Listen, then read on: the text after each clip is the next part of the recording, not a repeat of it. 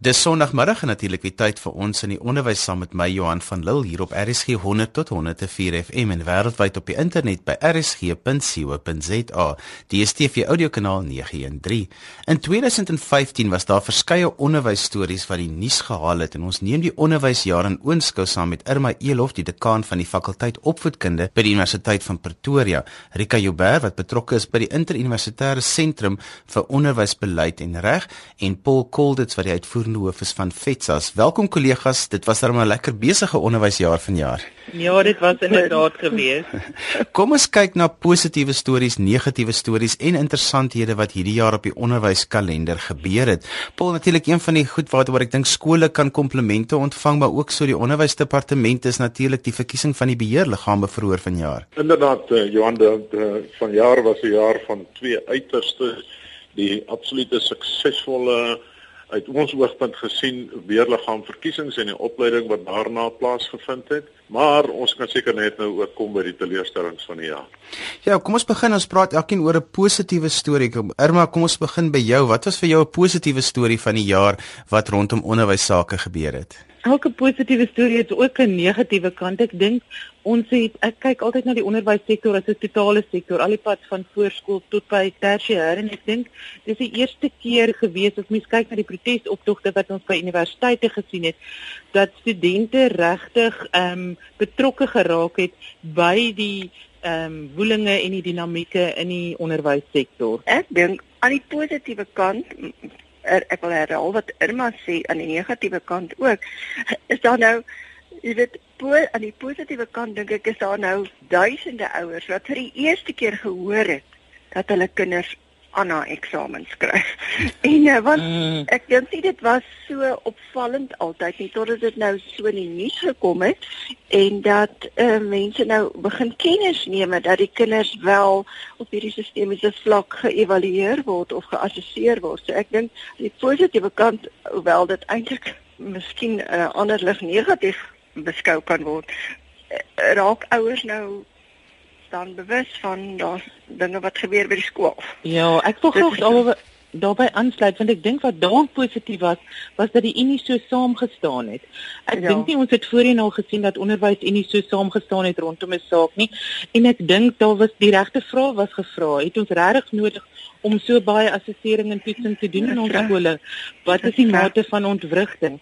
So ek hmm. dink ehm um, die prioriteite gaan waarskynlik verander omdat die onderwysunie so saamgestaan het rondom die ja, kwessie ja, van die aanhou. Ja, ja, ek dink so. Daarop kan reageer Johan, die interessante is die beheerliggaam organisasies het aan die ander kant nou weer almal saamgestem die eerste keer seker oor 'n bepaalde saak en dit is dat die minister voet moet neersit en nie moet voortgaan met die jaarlikse nasionale assessering omdat die eh, die kwessie wat die Unies na vore gebring het meer politiekery was as wat dit regtig gegaan het oor die waarde van die sistemiese evaluering. Hoe lyk anders in die toekoms? Is daar al enige uitsluitsel oor wat in die toekoms gaan gaan gebeur, Irma? Ehm um, wel dit is nou ehm um, aan die einde van die akademiese jaar was dit toe wel afgeneem en dit was dit het maar met die met 'n bietjie onrustigheid gepaard gegaan want mense is nie seker of dit die regte tyd van die akademiese jaar was nie. Die toekoms is onseker. Kyk, dit ons moet weet wat die geletterdheidsvlakke en die akademiese vaardighede van die kinders is ehm um, is belangrik, maar ek dink ons is op 'n punt waar ons eintlik almal weet dat dit regtig nie goed gaan nie en dat ons vra vra oor waar word die befondsing werklik bestee.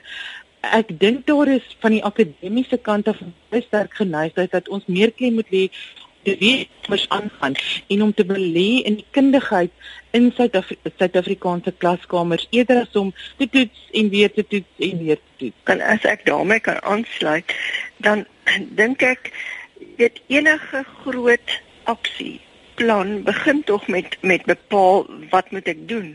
En ek dink die ongelukkigheid van die Unie se kant af het gekom oor die feit dat hierdie 200 miljoen rand nou gespandeer word. En ons weet, en ons weet, en dan eh, nou wat my bekommer hierdie jaar is baie baie skole het toe nou op die ouend glad nie geskryf nie. So nou hmm. gaan daar weer uitslaa wees, net nog 'n keer uitslaa soos met matriek uitslaa wat papier vir jou een prentjie gee, maar as jy dit begin ontleed, dan gaan jy eers kyk nou maar wat is getoets en wat weet ons nou en wat gaan ons nou doen. Dit lei nou verder tot oneindige hoeveelheid werkswinkels en vergaderings wat ongelukkig baie keer in skooltyd gehou word. En dit is vir my 'n bekommernis. So ons ons bly by die beplanningsfase. En ja. stap 1 van die beplanningsfase en ons kom nie by uh, verder om wat te doen nie want ek kan net nie dink dat as ou as onderwysers elke dag baie getrou skool hou dat ons kinders nog so swak aanvaar. Dit ja. is wat die Anna is dit uh, uh, assesseringstoetse vir ons wys. Dit kan nie, nie wees nie. Ja. Eh uh, Johannes ek kan uh, aansluit oor by jou vraag oor wat nou die toekoms van hierdie jaarlikse nasionale assessering. Ek dink almal stem saam dat daar 'n behoefte is daaraan dat daar 'n uh, sistemiese evaluering moet wees. Ehm um, en daar is vervolglik 'n taakplan aangewys wat die jaarlikse nasionale assesserings moet herbeplan sodat dit meer die behoefte aanspreek van die stelsel Ehm um, en die taakspan het uh, die opdrag om binne die volgende 3 maande vorendag te kom met 'n nuwe model. Die beginsel bly staan, dit moet gebeur. Uh presies hoe dit moet gebeur uh, om aan al die verwagtinge ten aansien van korrekte assessering te voldoen sodat 'n mens van vorentoe behoorlik aan die hand daarvan kan beplan vir die leemtes in die stelsel. Dit uh, daaroor stem almal saam. Erma, jy wou aangesluit het? Ek wou aangesluit het by Paul se punt oor die politieke ry.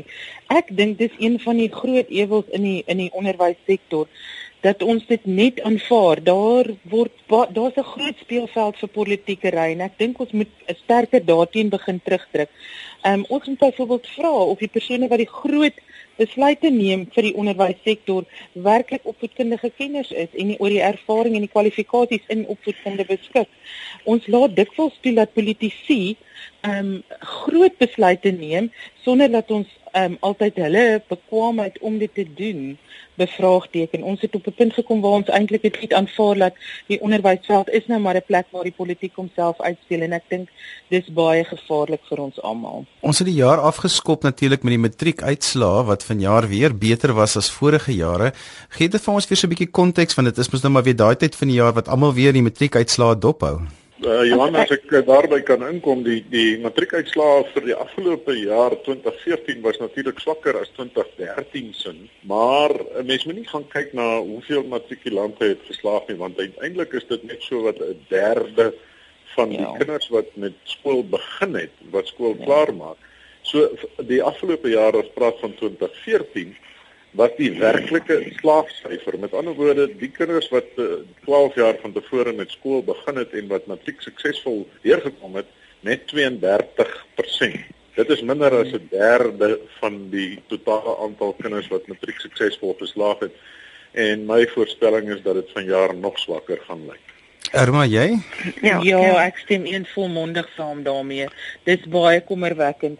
Ons moet baie meer doen om te kyk na die jeug wat ehm um, wat nie meer in skool gaan nie. Die redes hoekom hulle uitval, wat is die ondersteuningsstelsels en meganismes wat ons in plek kan sit om te sorg dat meer kinders in die skool bly? Want dit dit word gekoppel aan ekonomiese groei en die welstand van 'n land. Hoe langer kinders op skool bly, hoe beter is dit vir ons almal. Rika, jy wou ook aangesluit het. Ehm um, ja, en weet jy wat dit my die meeste bekommer in hierdie in hierdie afgelope maand is ja, goed, ons het die debakel kan jy dit amper sê oor Anna gehad met die verskillende groepe wat nou vir of teen skryf is, maar dit is nie die bekommernis nie. Maar weet jy, as jy mens kyk na hoeveel skooldae is daar in 'n jaar, kan ek tot nou toe nog nie bepaal nou wanneer die kinders dan nou ophou skool gaan hier aan die einde van die jaar nie.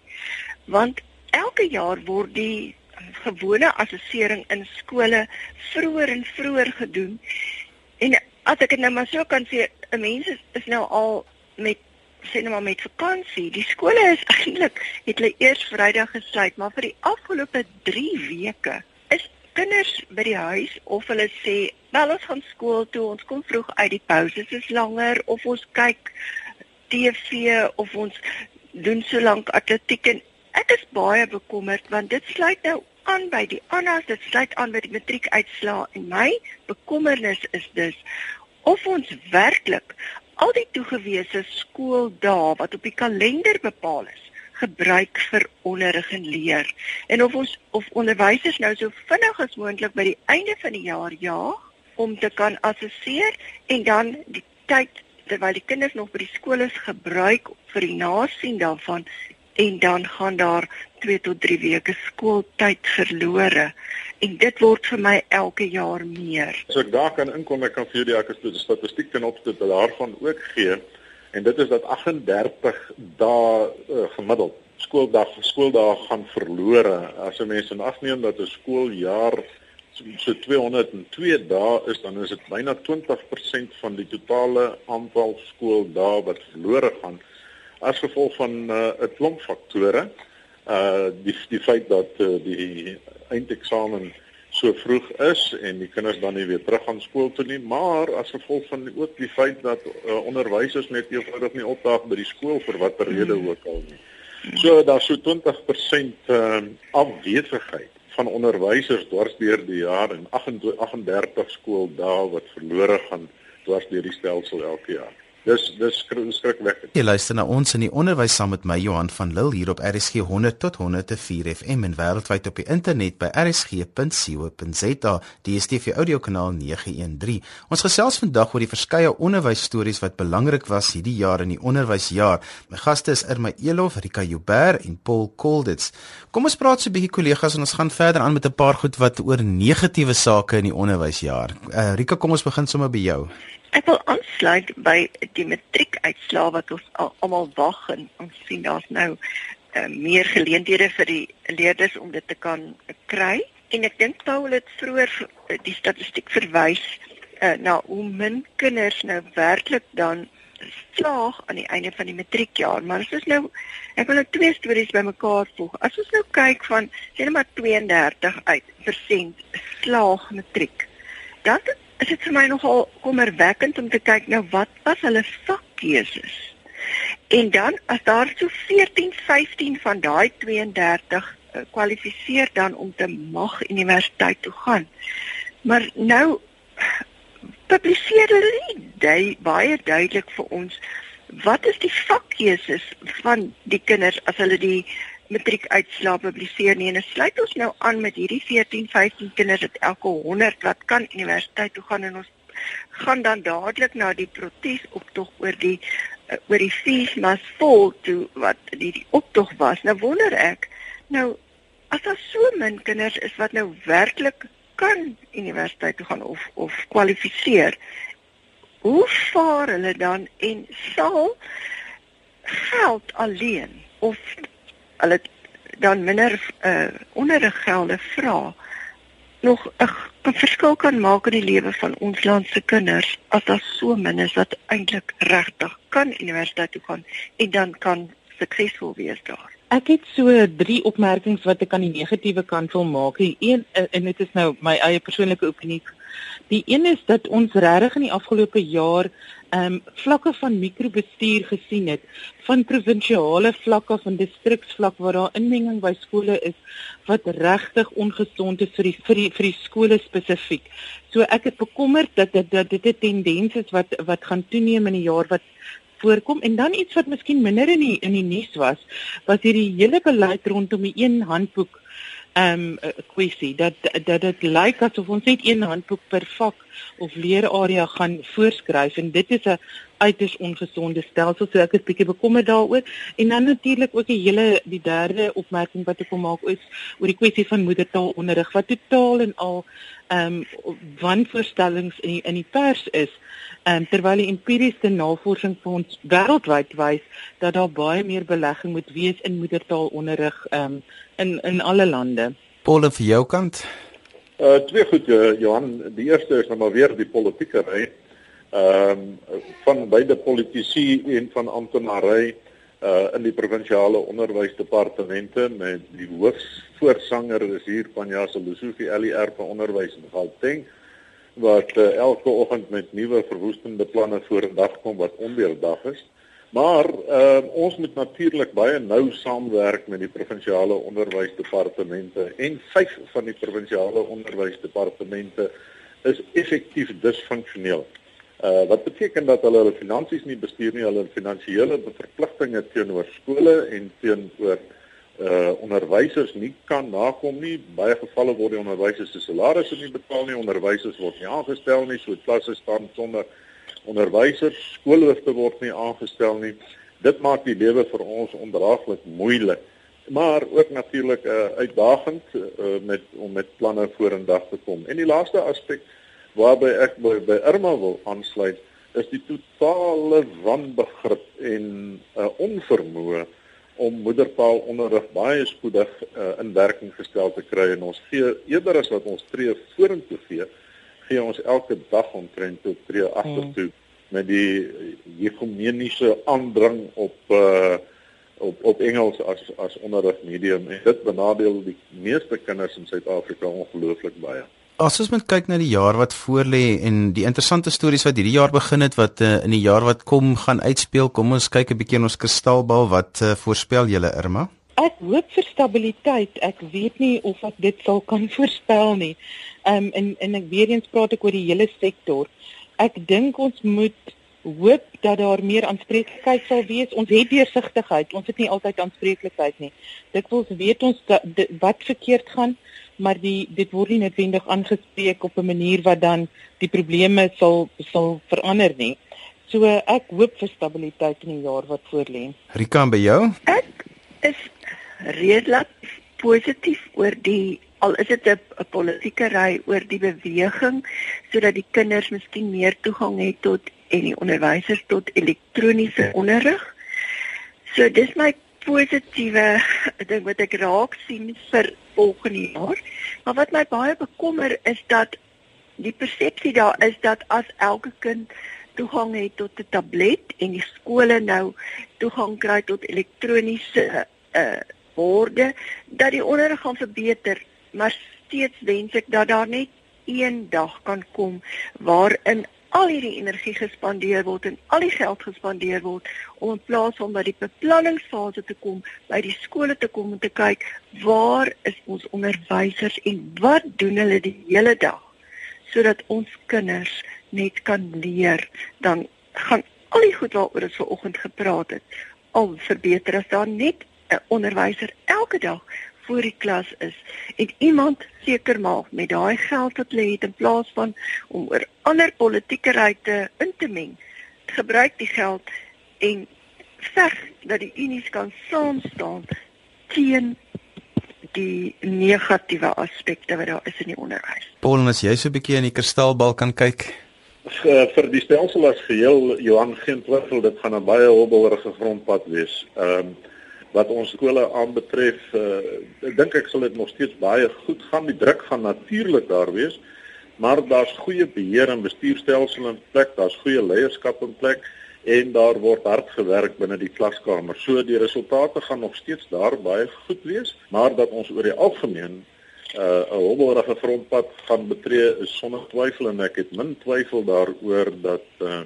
die hele uh, debakel rondom uh, universiteitsgelde en medium van onderrig by universiteite gaan oorspoel na die skoolstelsel toe ook. Nie omdat dit gaan oor taal of omdat dit gaan oor geld nie, maar omdat dit gaan oor ideologie. En ideologie moet ons sover as moontlik uit weer uit die stelsel uit. Nou, onderwys sake wat in die nuus is, raak onderwysers altyd nie direk in hulle dagtaak nie. Hulle gaan aan met dit wat hulle van die kinders moet doen. Maar hoe moet onderwysers dink oor oor die nuusstories in die jaar wat kom. Irma, kom ons kyk by elkeen van julle ons begin by jou. Ek sê gewoonlik dat ons te min praat oor oor die goeie stories, oor die suksesverhale, want waar ek kom en ek dink hierdie van Paul kan dalk saamstem, is daar werklik steeds hoë kwaliteit onderwysers oral in die stelsel en in al die provinsies wat ten spyte van al die negativiteit nog steeds ehm um, genoegdoening kry in hulle dag dalk en werklike verskil op 'n daaglikse basis maak. So ek dink ehm um, die netwerke tussen onderwysers is ongelooflik belangrik. Ehm um, ons navorsing wys dat wanneer daar sterker netwerke tussen onderwysers is selfs op 'n klein vlak ehm um, dit ehm um, baie bydra tot 'n positiewe ingesteldheid by hulle dagtaak. Ek sou sê hulle moet regtig met hulle netwerke waarvan Irma praat, meer mekaar ondersteun as mekaar 'n negatief beïnvloed want die ervaring wat ons het hierdie afgelope maande is as een of twee skole geteken word deur 'n amptenaar veral oor iets soos moedertaalonderrig of toelating dan begin die mense mekaar eerder negatief beïnvloed as wat hulle positief is en saam staan. As hulle saam staan en net die kwaliteit wat ons wel het waarvan jy praat voorop plaas en dan die negatiewe dingetjies wat gebeur maar so in elke dag hanteer en verbygaan in plaas dat dit mense want dit maak die mense depressief en hulle moenie hulle soveel steur aan hierdie negativiteit en kyk net na al die wonderlike goeie goed wat uitkom ook Paul, die laaste woord van jou af. Johanna se spreekwoord wat sê die witste lelie gloei in die bruinste en donkerste modder. Uh 'n onderwyser kan en onderwyseres kan natuurlik 'n geweldige verskil in kinders se lewens maak. En dit begin by waardes. So ons moet fokus as onderwysers en as almal wat betrokke is by die onderwysstelsel op die positiewe waardes, ons grondwet, grondwetlike fundamentele waardes van menswaardigheid, gelykheid en vryheid en voortspruitend daaruit aan baie miljoene kinders, 12 miljoen in die stelsel, die uh, krag van positiewe waardes soos respek, soos uh aanspreeklikheid, soos uh, eerbied en al daardie tipe waardes aanleer want by 'n groot aantal van hulle is die skool die enigste plek waar ons kinders waardes kan aanleer in die bou van 'n nuwe Suid-Afrika. Dis dan alwaar vir ons tyd vandag. My gaste was Irma Elof, die dekaan van die fakulteit opvoedkunde by die Universiteit van Pretoria, Rika Joubert wat betrokke is by die interuniversitêre sentrum vir onderwysbeleid en reg en Paul Kolditz, die uitvoerende hoof van FETSAS. Dankie dat jy vanjaar saam met ons na ons in die onderwys geluister het. Hiermee hoop ek dan dat jy 'n heerlike feestyd saam met jou geliefdes het en ons praat dan weer onderwys sake vroeg in die nuwe jaar. Onthou jy kan weer na ons in die onderwys luister as 'n potgooi, laai dit af by rsg.co.za daarmee groet ek dan vir vandag tot volgende week van my Johan van Lille. Totsiens